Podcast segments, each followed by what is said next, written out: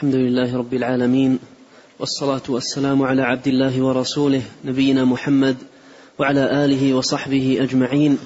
أما بعد فيقول شيخ الإسلام محمد بن عبد الوهاب رحمه الله تعالى في كتاب الكبائر باب من تبرأ من نسبه. قال عن عمرو بن شعيب عن أبيه عن جده مرفوعا كفر من تبرأ من نسبه وإن دق أو ادعى نسبا لا يعرف.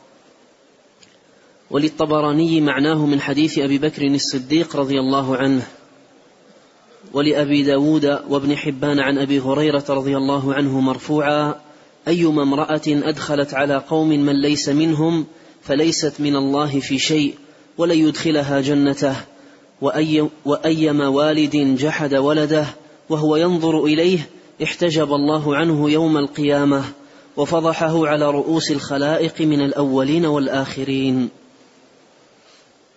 بسم الله الرحمن الرحيم.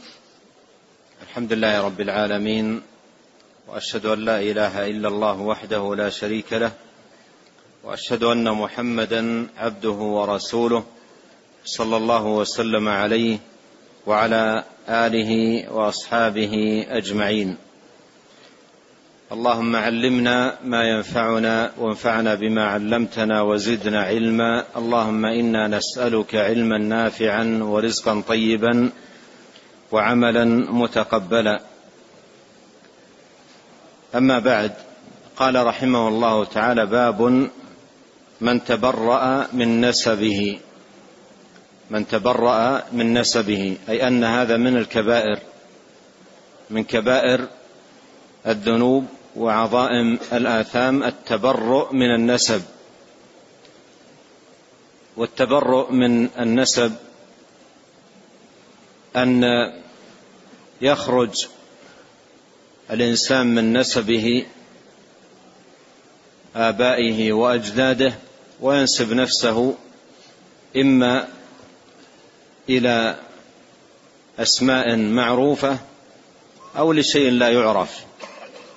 مثل ما جاء قال أو ادعى نسبا لا يعرف. فهذا من كبائر الذنوب وعظائم الآثام. أورد حديث عمرو بن شعيب عن أبيه عن جده مرفوعا كفر من تبرأ من نسبه وإن دق أو ادعى نسبا لا يعرف. أو ادعى أي لنفسه نسبا لا يعرف. كأن يركب لنفسه نسبا هكذا ينشئه. وغرضه من ذلك أن يتبرأ من نسبه. وهذا من عظائم الآثام. أولا من جهة أنه كذب على الله سبحانه وتعالى لأنه خلقه الله عز وجل وأوجده فلان ابن فلان فتبرأ من ذلك. وكذب على الله سبحانه وتعالى بأن نسب نفسه إلى غير نسبه الذي خلقه الله عليه وأوجده عليه سبحانه وتعالى إضافة إلى ما يترتب على ذلك من اختلاط في الأنساب ووقوع في محاذير عظيمة تتعلق بالمحارم وما يترتب على ذلك من أحكام معروفة. فالشاهد أن هذا من عظائم الذنوب وكبائر الآثام. وأورد رحمه الله تعالى حديث أبي هريرة رضي الله عنه مرفوعا أيما امرأة أدخلت على قوم من ليس منهم فليست من الله في شيء ولن يدخلها الجنة. وهذا أيضا من عظائم الذنوب وكبائر الآثام. ومعنى أدخلت على قوم من ليس منهم أي بأن تكون وقعت في فاحشة الزنا وحملت بهذا الوقوع في الفاحشة بماء غير ماء زوجها وبعلها فتدخل على زوجها وأهله وقومه من ليس منهم. وفي هذا من الوعيد ما رأينا. قال فليست من الله في شيء ولن يدخلها الجنة. ولا يقال مثل ذلك إلا فيما هو من عظائم الذنوب وكبائر الآثام. وأيما والد جحد ولده وهو ينظر إليه. احتجب الله عنه. يوم القيامة وفضحه على رؤوس الخلائق من الأولين والآخرين. قوله وهو ينظر إليه قيل أي الوالد ينظر إلى ولده ويعرف أنه ولده ومتحقق أنه ولده ثم يتبرأ منه. ثم يتبرأ منه. وقيل ينظر إليه أي الولد ينظر إلى والده. نظرة احتياج وحاجة لرحمة الوالد وحنوه وإبقائه لهذا الولد فلا يبالي بذلك والده ويتبرأ منه فهذا من عظائم الذنوب. نعم. قال رحمه الله تعالى باب من ادعى ما ليس له ومن إذا خاصم فجر. فيه حديث ابن عمرو رضي الله عنهما في الصحيحين وروي عن ابن مسعود وعمر رضي الله عنهما من قال أنا مؤمن فهو كافر ومن قال هو في الجنة فهو في النار ومن قال هو عالم فهو جاهل. ولهما عن أبي ذر رضي الله عنه مرفوعا ليس من رجل ادعى إلى غير أبيه وهو يعلمه إلا كفر ومن ادعى ما ليس له فليس منا وليتبوأ, مقعده من النار. ومن رمى مسلما بالكفر أو قال يا عدو الله وليس كذلك إلا حار عليه. قال رحمه الله تعالى باب من ادعى ما ليس له ومن إذا خاصم فجر. من ادعى ما ليس له أي ما ليس من وصفه كأن يدعي لنفسه علما وهو ليس بعالم أو يدعي لنفسه ايمانا وهو ليس بمؤمن أو يدعي لنفسه فضلا وشرفا وخلقا وكرما وهو ليس كذلك متشبعا بما لم يعطى.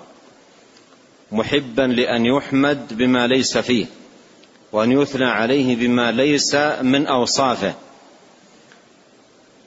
وهذا من العظائم عظائم الآثام أن يتشبع الإنسان بما لم يعطى وأن يحب أن يحمد بما لم يفعل ويدعي لنفسه من الأوصاف ما ليست فيه. قال باب من ادعى ما ليس له ما ليس له من أوصاف أو أعمال أو أخلاق أو نحو ذلك. ومن إذا خاصم فجر ومن إذا خاصم فجر وهذا يظهر والله أعلم مترتب على ما قبله. من ادعاء ما ليس له. قال فيه حديث ابن عمر رضي الله عنهما وروي عن ابن مسعود وعمر رضي الله عنهما من قال أنا مؤمن فهو كافر ومن قال هو في الجنة فهو في النار ومن قال هو عالم فهو جاهل. وجميع هذه الأوصاف الثلاثة قال أنا مؤمن أو قال هو في الجنة أو قال هو عالم كلها محمولة على ادعاء المرء لنفسه ذلك تزكية لنفسه. وطلبا لمحمدة الناس وثنائهم دون عناية منه واهتمام بالعمل وتحقيق الإخلاص لله عز وجل والمتابعة للرسول الكريم صلوات الله وسلامه عليه يدعي ذلك ادعاء. ومن المعلوم أن كلمة مؤمن أو أنا مؤمن من أعظم ما يكون تزكية للنفس. من أعظم ما يكون تزكية للنفس. ولهذا من لطائف ما ذكره العلماء رحمهم الله تعالى في كتب العقائد وأصول الإيمان عن رجل من الأعراب. عن رجل من الأعراب. قيل له أمؤمن أنت؟ قال أزكي نفسي. أزكي نفسي أدرك وهو أعرابي أن هذه الكلمة من أعظم ما يكون تزكية للنفس لأن الإيمان يشمل الدين كله. ومن ذا الذي يزعم لنفسه أنه كمل الدين وتممه؟ والإيمان النافع عند الله سبحانه وتعالى هو الإيمان المتقبل الذي تقبله الله من العامل. ومن الذي يجزم أن عمله متقبل؟ والله يقول عن المؤمنين الكمل والذين يؤتون ما آتوا وقلوبهم وجلة أنهم إلى ربهم راجعون أي قلوبهم خائفة من أن ترد عليهم أعمالهم ولا تقبل منهم طاعاتهم. فلا يزكي المرء نفسه وقد قال الله سبحانه وتعالى فلا تزكوا أنفسكم هو أعلم بمن اتقى. لكن المؤمن يجاهد نفسه على تحقيق التقوى وتكميل نفسه ثم هو مع هذه المجاهدة والاجتهاد في تكميل نفسه لا يزال يحس أنه مقصر ومفرط. مثل ما قال الحسن البصري رحمه الله تعالى قال إن المحسن إن المؤمن جمع بين إحسان ومخافة والمنافق جمع بين إساءة وأمن. المؤمن جمع بين إحسان ومخافة إحسان في العمل ومخافة أن لا يقبل العمل أو أن يرد على العامل. والمنافق يسيء في العمل ويرى أنه محسن وأن عمله من أحسن الأعمال.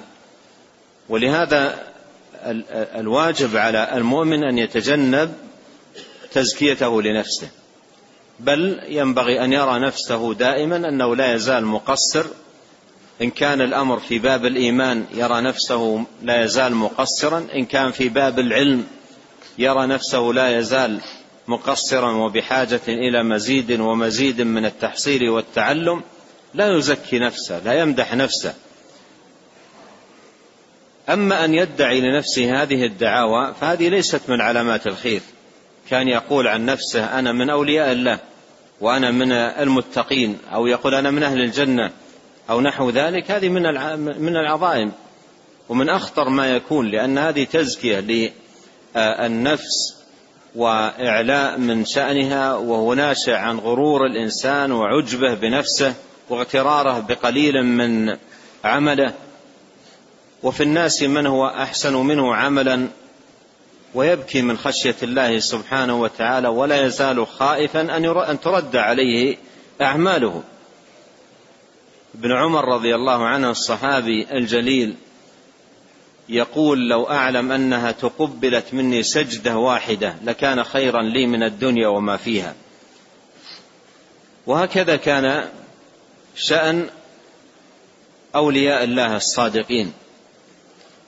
هكذا شأن أولياء الله الصادقين وحزب الله سبحانه وتعالى المقربين.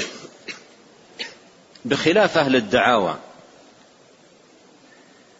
وتعظم المصيبة عندما تكون الدعوى مقصودا بها توريط الناس وأكل اموال اموال بالباطل كما هو حاصل عند أئمة الطرق الباطلة ممن يدعي أشياخهم وكبراءهم أنهم من الأولياء وأنهم كذا وأنهم كذا من الاوصاف والمراد من ذلك أكل أموال هؤلاء الأتباع بالباطل. والتعالي على هؤلاء آه، الأتباع وتعظيم النفس بين هؤلاء الأتباع مع تضييع العمل حتى إن بعضهم لا يعرف بمحافظة على الصلاة في الجماعة ويعرف عنه تعاطي بعض الأمور المنكرة المحرمة ولا يزال بين أتباعه يدعي أنه من الأولياء ويدعي ويدعي من الدعاوى الفجة الباطلة. وهذا من أخطر ما يكون جناية على النفس وعلى الآخرين. قال ولهما عن أبي ذر مرفوعا ليس من رجل ادعى إلى غير أبيه وهو يعلمه إلا كفر. وهذا مر معنا. ومن ادعى ما ليس له فليس منا وليتبوأ مقعده من النار. وأيضا مر معنا ومن رمى مسلما بالكفر أو قال يا عدو الله وليس كذلك إلا حار عليه أي إلا رجع عليه ما ادعاه في غيره إن لم يكن ذلك أهلا لما قال. نعم. قال رحمه الله تعالى باب الدعوة في العلم افتخارا. قال عن عمر رضي الله تعالى عنه مرفوعا يظهر الإسلام حتى تختلف التجار في البحر وحتى تخوض الخيل في سبيل الله ثم يظهر أقوام يقرؤون القرآن يقولون من أقرأ منا من أفقه منا؟ ثم قال هل في يقولون من أقرأ منا؟ من أعلم منا من أفقه منا.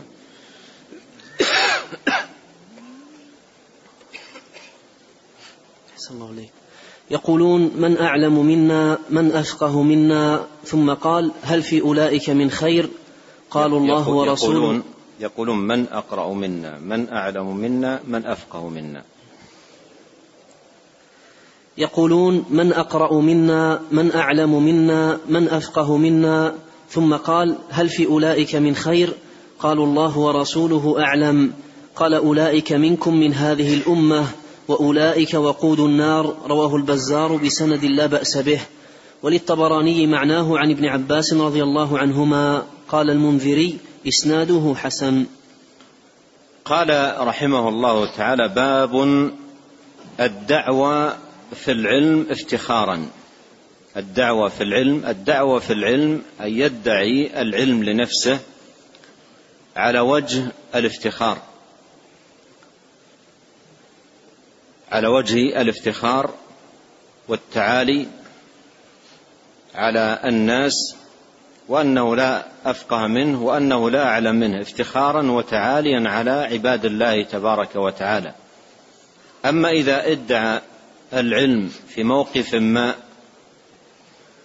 نصحا للعباد وطلبا لتعليمهم كأن يعرض امرا من الأمور التي يحتاج فيها الناس إلى من يبين لهم فيقول أنا عندي علم في هذه المسألة قرأت كذا قرأت كذا يريد أن يطمئن الناس إلى ما سيبين لهم من من علم. فهذا لا بأس به. ومن ذلكم قول يوسف عليه السلام إني حفيظ عليم. لكن من يدعي العلم لنفسه على سبيل الافتخار؟ على سبيل الافتخار سواء كان عنده علم أو ليس عنده علم. يدعي ذلك لنفسه على سبيل الافتخار والتعالي على الناس. فهذا من من العظائم.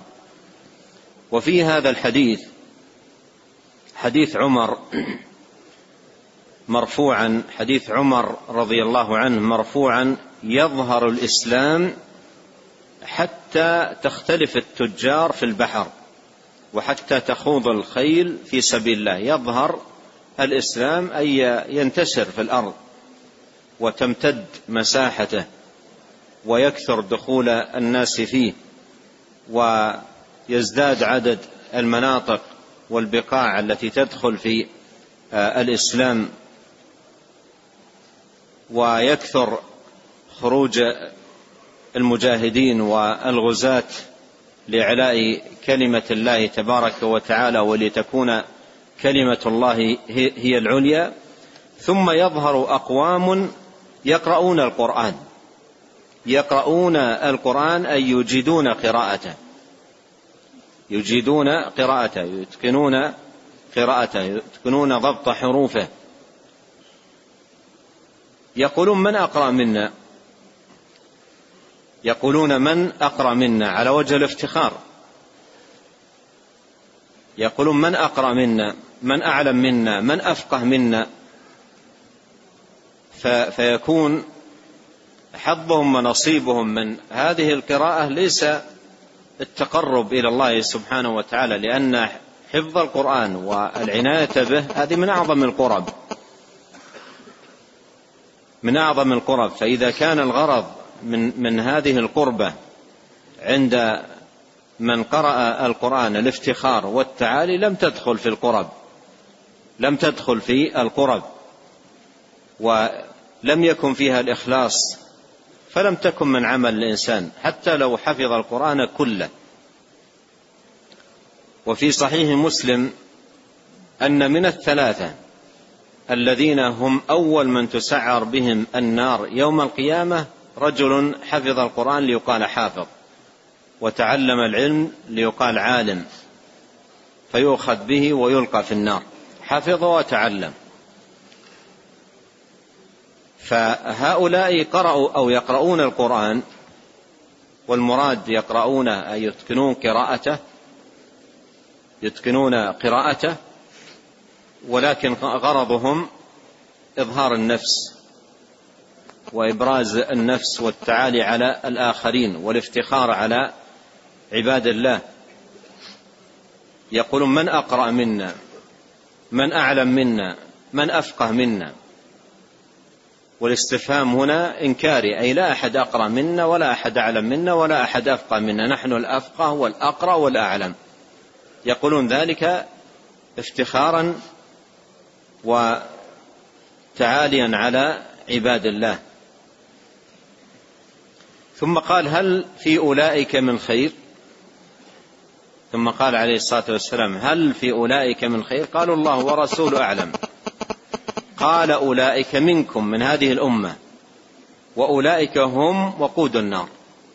أولئك منكم من هذه الأمة وأولئك هم وقود النار. لأن القرآن لا يحفظ من أجل التفاخر على الناس والتعالي والعلم لا يتعلم من أجل التفاخر على الناس والتعالي عليهم. وأن يقول القائل أنا الأقرأ وأنا الأعلم وأنا الأفقه وإنما يقرأ القرآن ليخضع لله وليذل بين يدي الله وليحسن التقرب بتلاوة هذا القرآن والعمل به لله سبحانه وتعالى فيكون من أهل هذا القرآن حقا وصدقا. أما أن يقرأ القرآن ويجيد قراءته ليقال قارئ أو ليقال عالم أو ليقال آه، حافظ أو نحو ذلك فهذا فيه هذا الوعيد. قال أولئك هم وقود النار. هم وقود النار. وهذا معناه أن أن بعض الناس يأتي يوم القيامة حافظ القرآن متقن في حفظه ويكون وقود للنار. يأتي حافظا ومتقنا لحفظ القرآن ويكون وقود للنار. ويكون من أول من تسعر به النار. لأن هذا العمل العظيم لم يجعله لله. وإنما جعله للتفاخر على عباد الله والتعالي على الناس ولأن يقول أنا الكذا وأنا الكذا إلى آخره. فهذا من من من أخطر ما يكون على من فعل ذلك وأيضا فيه بيان أهمية الإخلاص وأنه الأساس في قبول الأعمال وأن الله جل في علاه لا يقبل من العمل مهما عظم ومهما على شأنه إلا إذا أخلص لله. انظر هنا كم يحتاج حفظ القرآن وإتقان ضبطه من وقت. هذا عمل كبير جدا يحتاج من صاحبه إلى وقت حتى يضبطه. ثم ثم يكون هذا الجهد الكبير لا يقبل منه بل يكون من وقود النار. لا لشيء لأن إلا لأنه لم يقصد بهذا العمل التقرب إلى الله سبحانه وتعالى وإنما قصد به المراءة أو الشهرة أو إبراز النفس أو محمدة الناس لأن لأن يقول أنا قارئ أنا حافظ أنا متقن إلى إلى غير ذلك من الألقاب التي يطلبها لنفسه ويقصدها بحفظه. وأيضا تكون حال أمثال هؤلاء بعيدة عن العمل الذي هو مقصود القرآن. يقول الحسن البصري رحمه الله أنزل القرآن ليعمل به فاتخذ الناس قراءته عملا فيكون بعيد بعيد عن العمل منشغل بغروره بنفسه وعجبه بها عن العمل بالقرآن والتفقه لأحكام القرآن والعمل بها. وهذا من أخطر ما يكون أيضا على الإنسان. وقد جاء عن الحسن البصري رحمه الله تعالى يتحدث عن بعض القرة في زمانه زمان التابعين. زمان التابعين ذلك الزمان الفاضل. يتحدث عن بعض القرة في زمانه. قال يقول أحدهم قرأت القرآن كله فلم أسقط منه حرفا. يقول بعضهم يعني على سبيل الافتخار وإظهار النفس قرأت القرآن كله ولم أسقط منه حرفا. معنى لم أسقط منه حرفا أي لم أقع في خطأ. من إتقانه للحفظ. قال ولم أسقط منه حرفا. قال الحسن البصري وقد أسقطه والله كله لا يرى عليه القرآن لا في خلق ولا عمل. قال أسقطه والله كله لا يرى عليه القرآن في خلق ولا في عمل. إن نظر الإنسان في أخلاق القرآن وإذا بها ليست موجودة فيه وإذا نظر إلى أعمال القرآن وإذا بها ليست موجودة فيه. قال رحمه الله تعالى فما هؤلاء بالقراء ولا العلماء ولا, ولا الورعة. إذا كانت القراء مثل هؤلاء لا كثر الله في الناس مثل هؤلاء. فالشاهد أن الأمر غاية في الخطورة أن يكون حظ الإنسان من القرآن وحفظه وضبطه مجرد الدعوة والافتخار والعجب بالنفس وإظهار النفس على الآخرين والتعالي عليهم وأن هذا من عظائم الذنوب.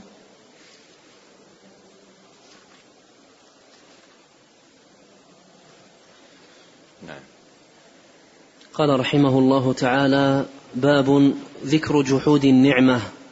في الصحيح عن ابن عباس رضي الله عنهما مرفوعا أن النبي صلى الله عليه وسلم قال دخلت النار فرأيت أكثر أهلها النساء. يكفرن. قيل يكفرن بالله؟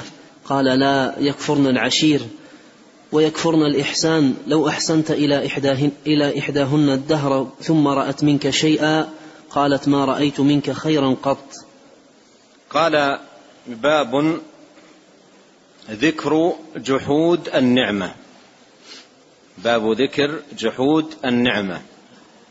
جحودها أي إنكارها وعدم الاعتراف بها وعدم شكر المنعم. عدم شكر المنعم. قال باب ذكر جحود النعمة. قال في الصحيح عن ابن عباس مرفوعا أن النبي صلى الله عليه وسلم قال دخلت قال قال دخلت النار فرأيت أكثر أهلها النساء.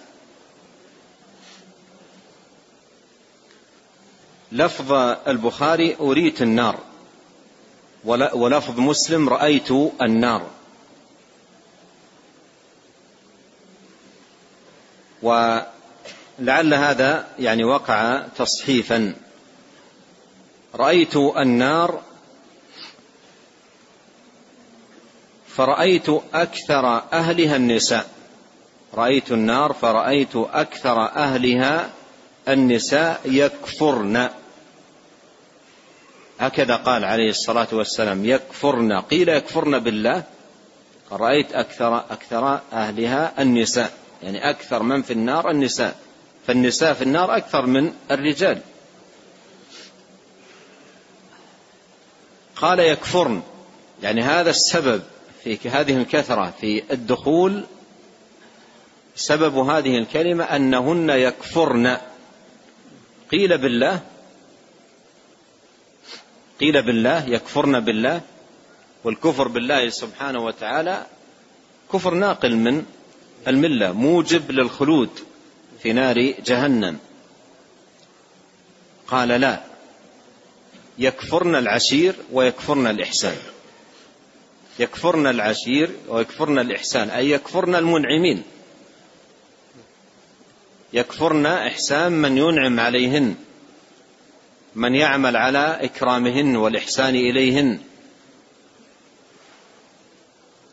كأن يكون الزوج مع زوجه محسنا وفر مسكنا تكلف في توفيره وفر أيضا أثاثا وفراشا ولباسا وطعاما وغذاء وشرابا وأجهد نفسه في ذلك. وفر هذه الأشياء وهذا كله إحسان. وهذا كله إحسان يشكر ولا يكفر. ويذكر للمحسن المنعم ولا يجحد. قال يكفرن. قيل يكفرن بالله. قال لا يكفرن العشير ويكفرن الإحسان. العشير الزوج. يحسن إليها ويكرمها ويوفر لها من الأمور والحاجيات. يقول لو أحسنت إلى إحداهن الدهر. معنى قوله الدهر أي مدة حياتك واتصالك بها. لو أحسنت إلى إحداهن الدهر ثم رأت منك شيئا قالت ما رأيت منك خيرا قط. ما رأيت منك خيرا قط. يقدم لها منذ الاتصال بينه وبينها منذ آه، أن كانت زوجا له وهو يحسن إليها ويكرم هذا المسكن وهذا البيت وهذا الفراش وهذا الطعام يوميا يستجلبه للبيت ويوفر في البيت وهذا وهذا من الأمور الكثيرة التي يقدمها. فإذا احتاجت أمرا معينا تعلقت نفسها به ورغبت في تحصيله وامتنع الزوج. إما لعدم قدرته عليه أو لعدم رؤيته لأهميته أو لضرورة إتيانها به. ولا يلزم أن يوفر لها كل ما تطلب. لا يلزم ذلك. ما دام وفر لها الضروريات والحاجيات المهمة فإذا طلبت شيئا معينا تعلقت نفسها به وامتنع جحدت معروفه السابق كله وقالت عنه سواء في وجهه أو عند الآخرين. قالت هذا بخيل وهذا فيه كذا هذا الريال ما يخرجه والدرهم ما ينفقه ويقتر على أهله وهو كل يوم يأتي لأهله بالطعام ويأتي لهم بالشراب ويأتي لهم بالغذاء ويأتي لهم الملابس متوفرة والأشياء متوفرة لكن إذا قصر في شيء معين ولحت عليه وامتنع جحدت إحسانه كله. والنبي صلى الله عليه وسلم رآهن في النار بسبب هذا الأمر. رآهن في النار وبسبب هذا الأمر. ولهذا يجب على المرأة أن تخاف الله وأن تخشاه. هذا وعيد. ورؤيتهن في النار هذا دليل على أن هذا الصنيع منهن كبيرة لأنه لا يأتي وعيد بالنار إلا في الكبائر. فجحد المرأة لإحسان الزوج إحسان العشير إحسان المنعمين هذا من العظائم. الواجب على الإنسان أن يشكر إحسان من أحسن إليه لا أن يكون لئيما يحسن إليها الدهر كله بأنواع من الإحسان. ثم عند أمر ما تريده فلا يتحقق تجحد ذلك الإحسان كله هذا من العظائم. ولهذا قال عليه الصلاة والسلام لما ذكر أنه رأى النار ورأى أكثر أهلها النساء أخبر عليه الصلاة والسلام أنهن يكفرن أي يكفرن العشير. ورؤيته عليه الصلاة والسلام للنار كانت رؤية عجيبة.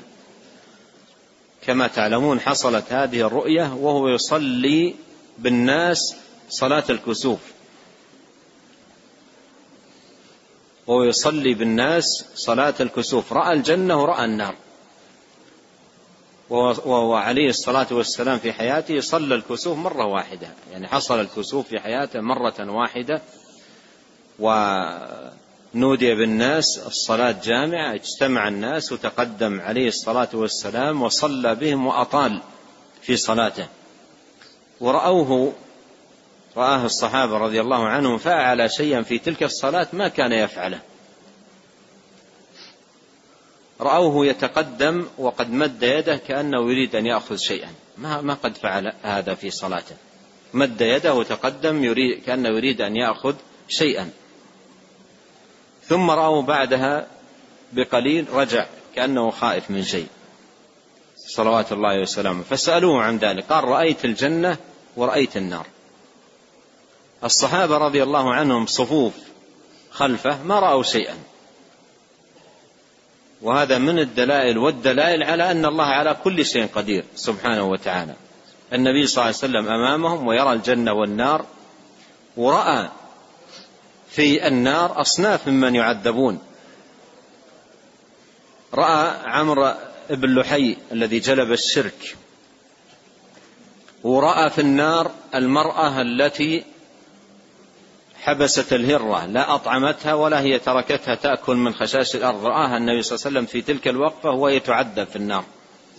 ورأى أيضا في تلك الوقفة الرجل الذي كان يسرق الحجيج. رآه في النار عليه الصلاة والسلام. رجل كان يسرق الحجيج معه محجن. والمحجن العصا التي في أعلاها عكفة.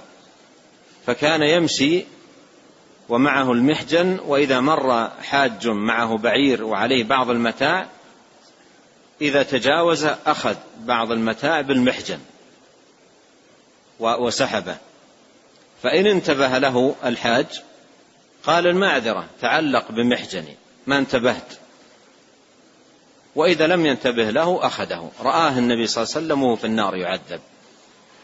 رآه عليه الصلاة والسلام وهو يعذب في النار. ورأى عليه الصلاة والسلام النساء وأن أكثر أهل النار النساء. وأخبر أنهن يكفرن أي يكفرن العشير. يكفرن آه، العشير. وأيضا في وقفة تلك حذر عليه الصلاة والسلام من الزنا. فجمع في تلك الوقفة وما أخبر عليه الصلاة والسلام أنه رأى المعذبين في, في, في النار جمع في تلك الوقفة بين الذنوب الأربعة التي أكبر الذنوب والتي جمعها في في خطبة من خطب في حجة الوداع بقوله ألا إنما هن أربع لا تشركوا بالله شيئا ولا تقتلوا النفس التي حرم الله إلا بالحق ولا تسرقوا ولا تزنوا ولا تسرقوا. هذه الذنوب الأربع هي أعظم الذنوب. وفي وقفة تلك في في في صلاة الكسوف جمع التحذير والإنذار من هذه الذنوب بطريقة مختلفة عن كل مرة كان ينذر فيها من هذه الذنوب لأنه كان يخبر عن رؤيته بعينه لمن يعذبون بسبب هذه الموبقات وسبب هذه آه، العظائم. وهذا أيضا من أقوى ما يكون في خوف الإنسان لأن النبي صلى الله عليه وسلم رآه في النار يعذب. من من يعمل هذه الأمور ويرتكب هذه آه، الآثام. فهذا الحديث من أعظم ما يكون تخويفا للنساء وزجرا لهن عن عن كفران المنعمين وجحد إنعام الأزواج وإحسان الأزواج وأن هذا أمر موجب لدخول النار وأن النبي صلى الله عليه وسلم رأى أكثر أهل النار النساء وأخبر أن ذلك بسبب كفران العشير وجحود النعمة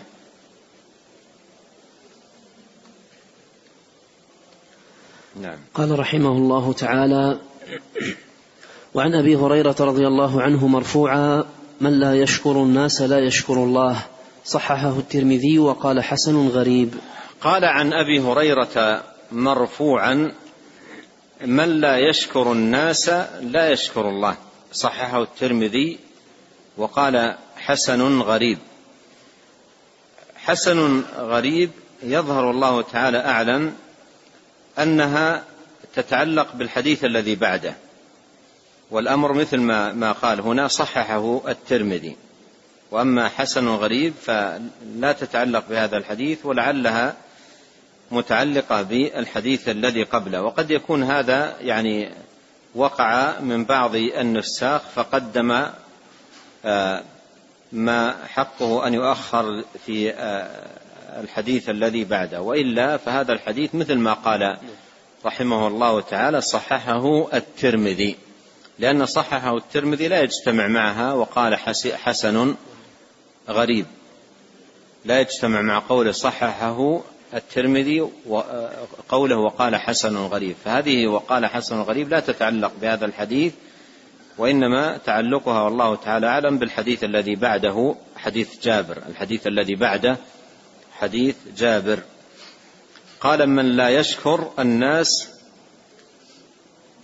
لا يشكر الله. من لا يشكر الناس لا يشكر الله. لأن الله عز وجل أمر بشكر الناس وجاء في ذلك الأحاديث عن رسول الله صلوات الله والسلام عليه وأن من أحسن إليه ينبغي أن يشكر المحسن يشكره على إحسانه وشكر هذا المحسن على إحسانه من شكر الله لأنه لا يشكر الله من لا يشكر الناس. لماذا؟ لأن الله سبحانه وتعالى جعلهم سببا لوصول هذه النعمة إلى هذا هذا الإنسان أو إلى هذا الشخص. فهذا الذي جعله الله سببا شكره على ما بذل وما قدم من أجل وصول هذه النعمة إلى إلى هذا الشخص يشكر عليه. وشكره من شكر الله سبحانه وتعالى والأمر كما في الحديث من لا يشكر الناس لا يشكر الله. نعم. قال رحمه الله تعالى وعن جابر رضي الله عنه مرفوعا من أعطي عطاء فوجد فلينجز فليجز به. فل من من أعطي عطاء فوجد فليجز به. ومن لم يجد فليثني به. فإن الثناء شكر. فإن أثنى فقد شكره. ومن كتمه فقد كفره. قال وعن جابر رضي الله عنه مرفوعا من أعطي عطاء فليجز به إن وجد.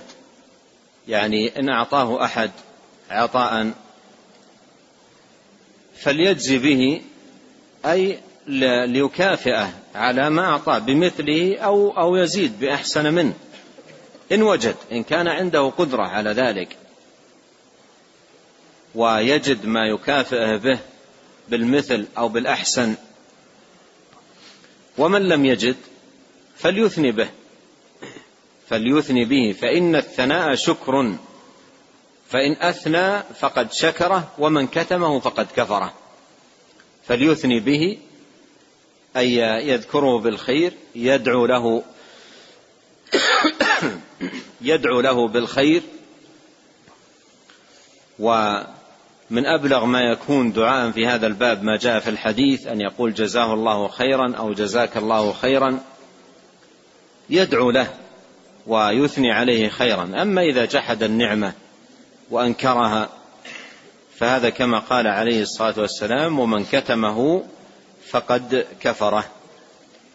نسأل الله الكريم أن يتولانا أجمعين بالتوفيق والسداد والعون على الخير وأن لا يكلنا إلى أنفسنا طرفة عين وأن يصلح لنا شأننا كله وأن يهدينا إليه صراطا مستقيما وأن يصلح لنا ديننا الذي هو عصمة أمرنا وأن يصلح لنا دنيانا التي فيها معاشنا وأن يصلح لنا آخرتنا التي فيها معادنا وأن يجعل الحياة زيادة لنا في كل خير والموت راحة لنا من كل شر وأن يغفر لنا ولوالدينا ولمشايخنا وللمسلمين والمسلمات والمؤمنين والمؤمنات الأحياء منهم والأموات.